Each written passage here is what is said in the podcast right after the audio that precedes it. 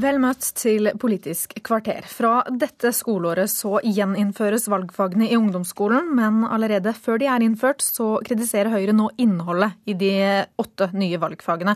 Og hva er det dere ikke liker, Jan Tore Sanner? Jeg har først lyst til å si at, eh, at det skjer veldig mye positivt i norsk eh, skole. Eh, og på en del områder ser vi nå også forbedrede resultater, og det skal vi glede oss over. Og jeg ser også at valgfag eh, kan være et virkemiddel.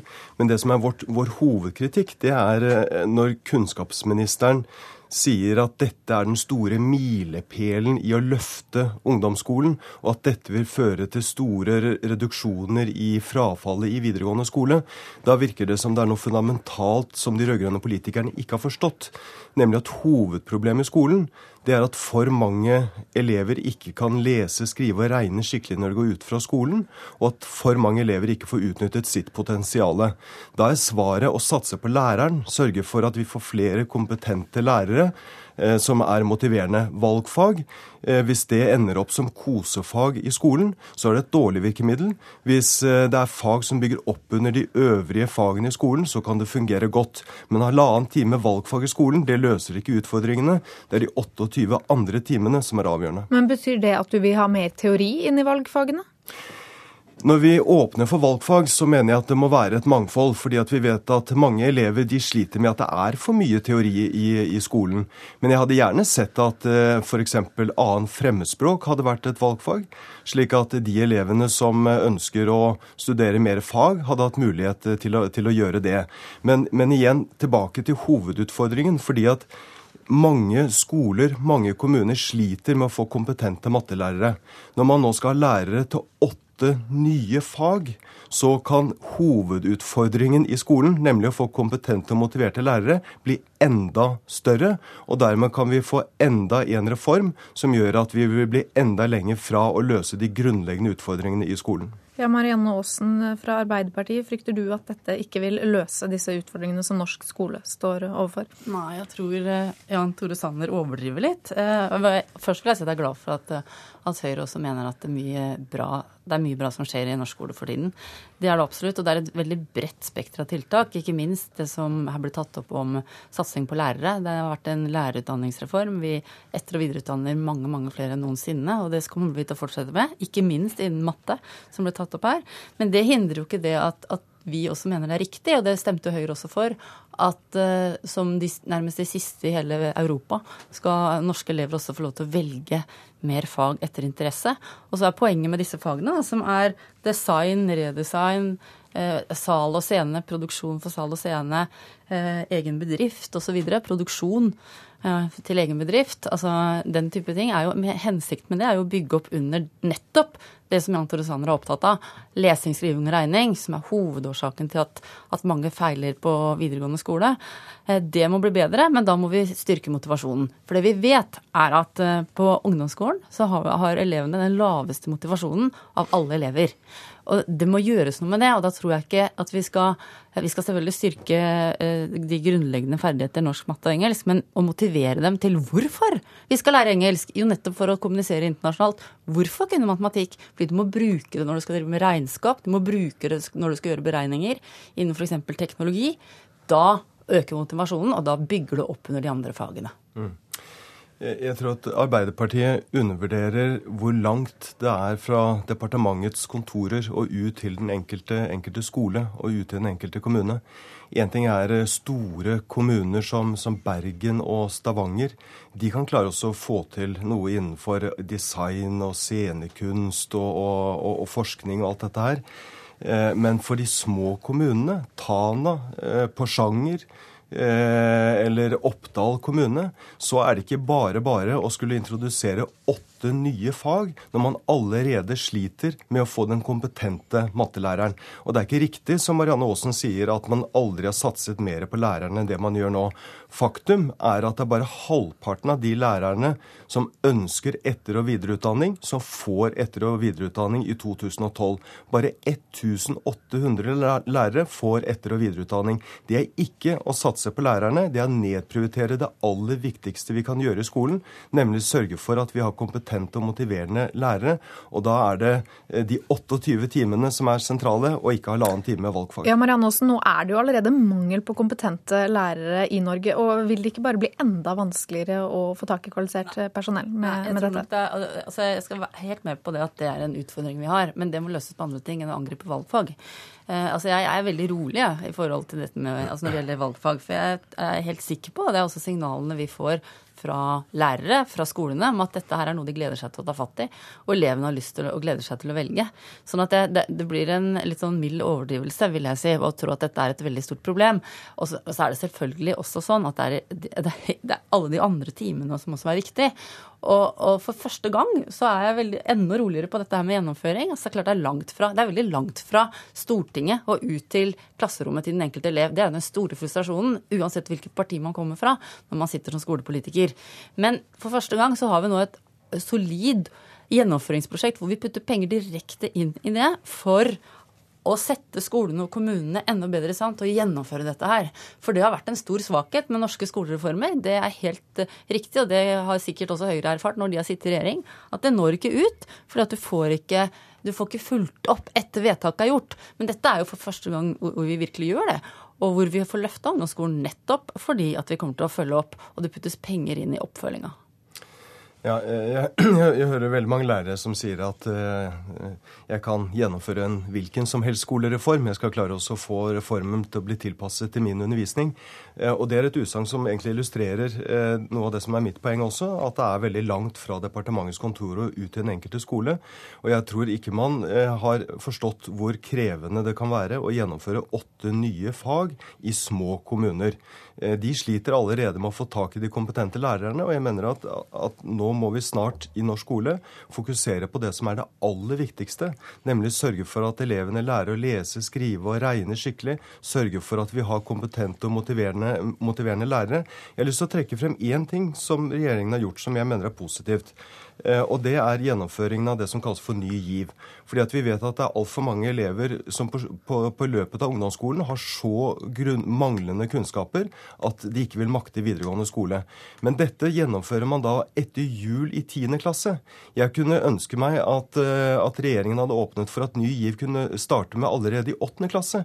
Slik at de elevene som mangler de grunnleggende ferdighetene i matematikk og, og skriving, at de kunne få spesiell oppfølging allerede i ungdomsskolen. Ja, jeg vil si at gjør det viktigste først. Sørg for at elevene kan lese, skrive og regne. Også gjerne valgfag, men det må bygge opp under de sentrale skolefagene. Det er akkurat det vi gjør. Vi er jo helt enige i dette her, om at de grunnleggende ferdighetene skriving, regning, lesing, Kunnskapsløftet har vi vedtatt enstemmig. Sånn det, Men hvorfor ikke starte med Ny GIV tidligere? Nei, fordi det er, jo, det er jo et nødtiltak, nesten. Altså et, egentlig så er det jo kommunene som har ansvar for opp, grunn, hele opplæringa i ti år. Og, vi, og egentlig så forventer vi jo at, at, folk, at, alle barn som kommer ut av ungdomsskolen, skal kunne lese, skrive og regne. Og i tillegg bruker vi jo titalls milliarder på spesialundervisning. La meg snakke ut. Titalls eh, milliarder på spesialundervisning for å fange opp dette. Likevel så ser vi at det er så stort frafall. Da setter vi inn et nytt tiltak som ingen andre har tenkt på, i hvert fall ikke fra borgerlig side. Og så, og, og, og så blir det kritikken på at ikke det er nok. Vel, jo. det er fint du, du syns det er bra, men Men, eh, men Marianne Aasen, eh, Ny GIV er ikke et nødtiltak. Det er ikke slik at, at det bare er en liten gruppe som sliter med grunnleggende lese-, skrive- og regneferdigheter. Det er en altfor stor gruppe. Det er en av hovedutfordringene i norsk skole. Ja. Og når men, vi ser det store, frafall, det store, frafallet i videregående skole, så er det jo fordi mange mangler disse grunnleggende ferdighetene. Og da må vi fange opp de elevene mye tidligere.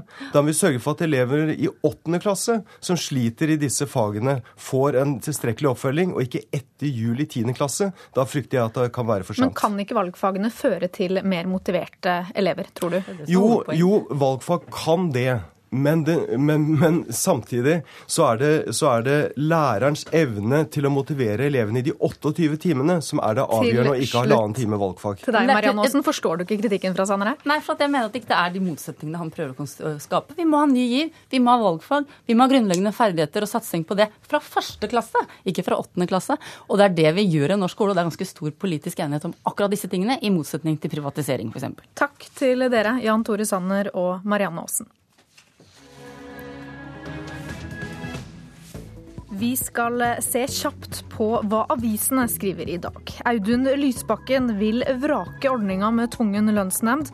Han mener regjeringen ikke burde ha grepet inn med tvungen lønnsnemnd i vekterstreiken og oljestreiken i våres. Lysbakken vil erstatte ordninga med et system der staten kan pålegge partene å holde nøkkelfunksjoner i gang, uten at arbeidskonflikten blir stoppet, skriver Klassekampen.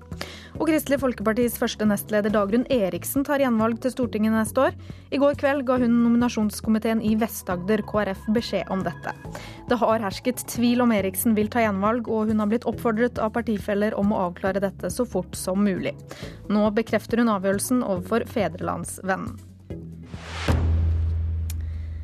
En arbeiderpartipolitiker i Sogn og Fjordane har meldt seg ut av partiet for å starte Piratpartiet i Norge.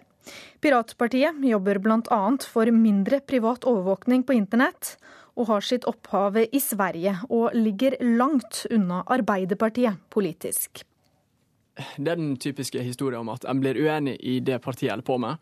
Så i løpet av de siste to åra har jeg nok blitt mer liberal, og jeg kunne bare ikke lenger stå for det partiet mente. Da Vegard Solheim ikke lenger kunne stå for Arbeiderpartiet sin politikk, meldte han seg ut for å starte opp Piratpartiet i Norge. Han er fremdeles i Naustdal kommunestyre, men nå som partiløs. Fylkesleder i Sogn og Fjordane Arbeiderparti, Nils P. Støyva, forstår ikke dette valget. En er ikke enige i alle saker som et parti kommer opp med. Da lyter en å bare jobbe videre eh, og akseptere et nederlag. Men det som er viktig, det er at en har et grunnsyn som en eh, moderpartiet står for. Og jeg oppfatter det slik at, at Vegard har støtta grunnsynet til Arbeiderpartiet, og derfor syns det er lett at han melder seg ut. Altså, sånn som det er nå, sånn som det er nå så har jo Solheim sitter framfor datamaskinen og leser gjennom det som skal bli partiprogrammet til Piratpartiet. På skjermen er program som Steam og Spotify, som gjør det enklere og billigere å dele informasjon og tjenester via internett. Det er dette som engasjerer Solheim. Piratpartiet han nå vil starte, har sine røtter i den svenske nettsida The Pirate Bay, som i 2009 ble dømt for å legge til rette for ulovlig nedlasting av filer på nettet. Vi støtter ikke ulovlig fildeling som at alle kan bare ta det de føler for. Du blir aldri kvitt det, men en kan gi skikkelige alternativ til det. F.eks. Spotify har fjerna veldig mye av den ulovlige fildelinga av musikk. Og partiet sin politikk har fått stor oppslutning på internett. Dette har òg valgforsker Bernt Årdal registrert, men han mener det kan bli vanskelig å etablere seg. Vi har jo sett i en del andre land at det i veldig stor grad er yngre folk og kanskje også de som er, er litt sånn i opposisjon. En, det er et litt anarkistisk parti. Og det er klart, der finnes det en, en, en del ungdommer og, som, som, vil sympatisere med dette. Men så er det igjen dette, dette som jeg nevnte i sted, at du skal også stille opp i valgurnen. Og der er det jo en god del av, av nettopp denne gruppen som kanskje bruker stemmeretten sin i mye mindre grad enn andre. For å etablere seg som et politisk parti i Norge trenger Piratpartiet 5000 underskrifter på landsbasis. Det er denne prosessen Solheim nå er i gang med. Men å komme inn på Stortinget, da er verre, mener Årdal. Det er klart at det å komme inn som et nytt parti, eller det å stille liste Man behøver jo ikke være registrert som parti for å stille liste, men det har jo vist seg å være mye vanskeligere enn det man kanskje skulle tro på forhånd. Vi så jo f.eks. Miljøpartiet på 70- og 80-tallet slet lenge med å, å, egentlig få noe fotfeste, og har egentlig ennå ikke klart å få det. Så det er ikke, det er ikke helt enkelt. Og heller ikke Nils P. Støyva har spesielt tru på Piratpartiet som en politisk konkurrent. Nei, jeg gjør ikke det. Vi har har opp gjennom åra hatt veldig mange forsøk på nasjonale partietableringer. Og Det har vist seg at dette blir døgnflue. Det kommer opp med et par promille i støtte, og så forsvinner de etter hvert. Men sunnfjordingen Vegard Solheim vil likevel jobbe for å etablere partiet i Norge og få dem på Stortinget.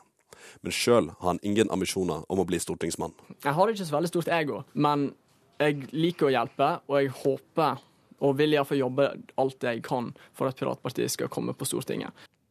Og i Sverige fikk Piratpartiet en oppslutning på bare 0,6 ved riksdagsvalget i 2009, men sitter i dag med to representanter i EU-parlamentet. Reporter var Anders Weberg. Og med det er Politisk kvarter ferdig.